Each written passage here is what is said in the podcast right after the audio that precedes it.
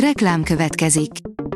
A műsort a Vodafone Podcast Pioneers sokszínű tartalmakat népszerűsítő programja támogatta, ami azért jó, mert ezzel hozzájárulnak ahhoz, hogy a felelős üzleti magatartásról szóló gondolatok, példák minél többekhez eljussanak.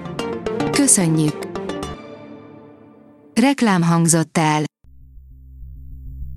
A hírstart szórakoztató hírei következnek. A hírfelolvasó ma is egy női robothang. Ma június 6-a, Norbert és Cintia névnapja van. A 24.hu oldalon olvasható, hogy meglepte a színházakat, hogy kinyithatnak. Tényleg kinyitnak a színházak és a mozik még júniusban, ha igen, akkor hány embernek játszhatnak, milyen előadásokat tarthatnak körkép az újranyitás előtt álló kulturális intézményekről. A kategóriás fesztiválon száll versenybe Úrik Gábor animációs filmje, írja a Mafab. Immár publikus, hogy Ulrich Gábor Balázs Béla díjas mozgókép és képzőművész Dűne című alkotását beválogatták az A kategóriás Hiroshimai Nemzetközi Animációs Fesztivál versenyprogramjába. Kihirdették az évgyerekkönyve díjazottait, írja a kultura.hu. Ötödik éve szervezi és osztja ki a Habi Magyar Gyerekkönyvfórum az évgyerekkönyve díjat öt kategóriában, a független szakmai zsűri döntése alapján. Családi filmek szombatra, írja a port. A nyár első szombatja bővelkedni fog a kalandokban, lesz például kísértett kergetés, menekülés egy aszteroida elől, dzsungeltúra, delfinmentés és gurmé konyhai kiképzés háztáji rákcsálóknak.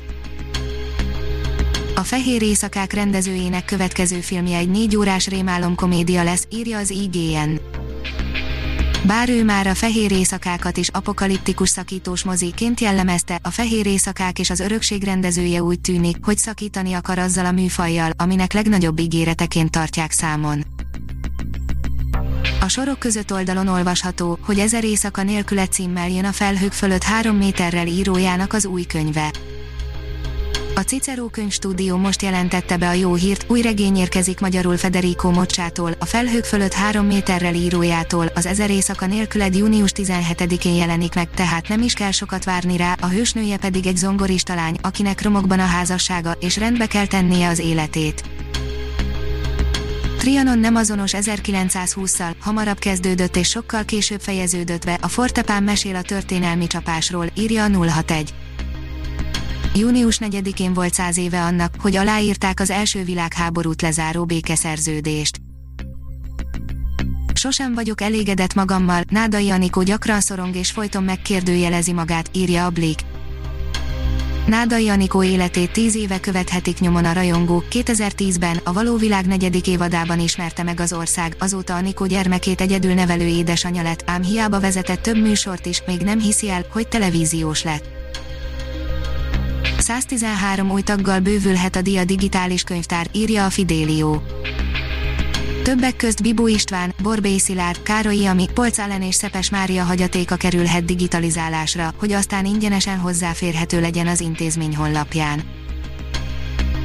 A HVG oldalon olvasható, hogy egy nap majd kifakad és folyni kezd a genny, az Örkény Színház előadása a hvg.hu-n.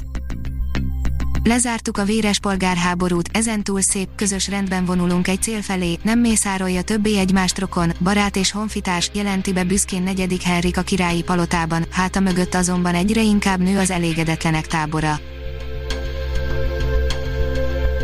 Ha még több hírt szeretne hallani, kérjük, látogassa meg a podcast.hírstart.hu oldalunkat, vagy keressen minket a Spotify csatornánkon.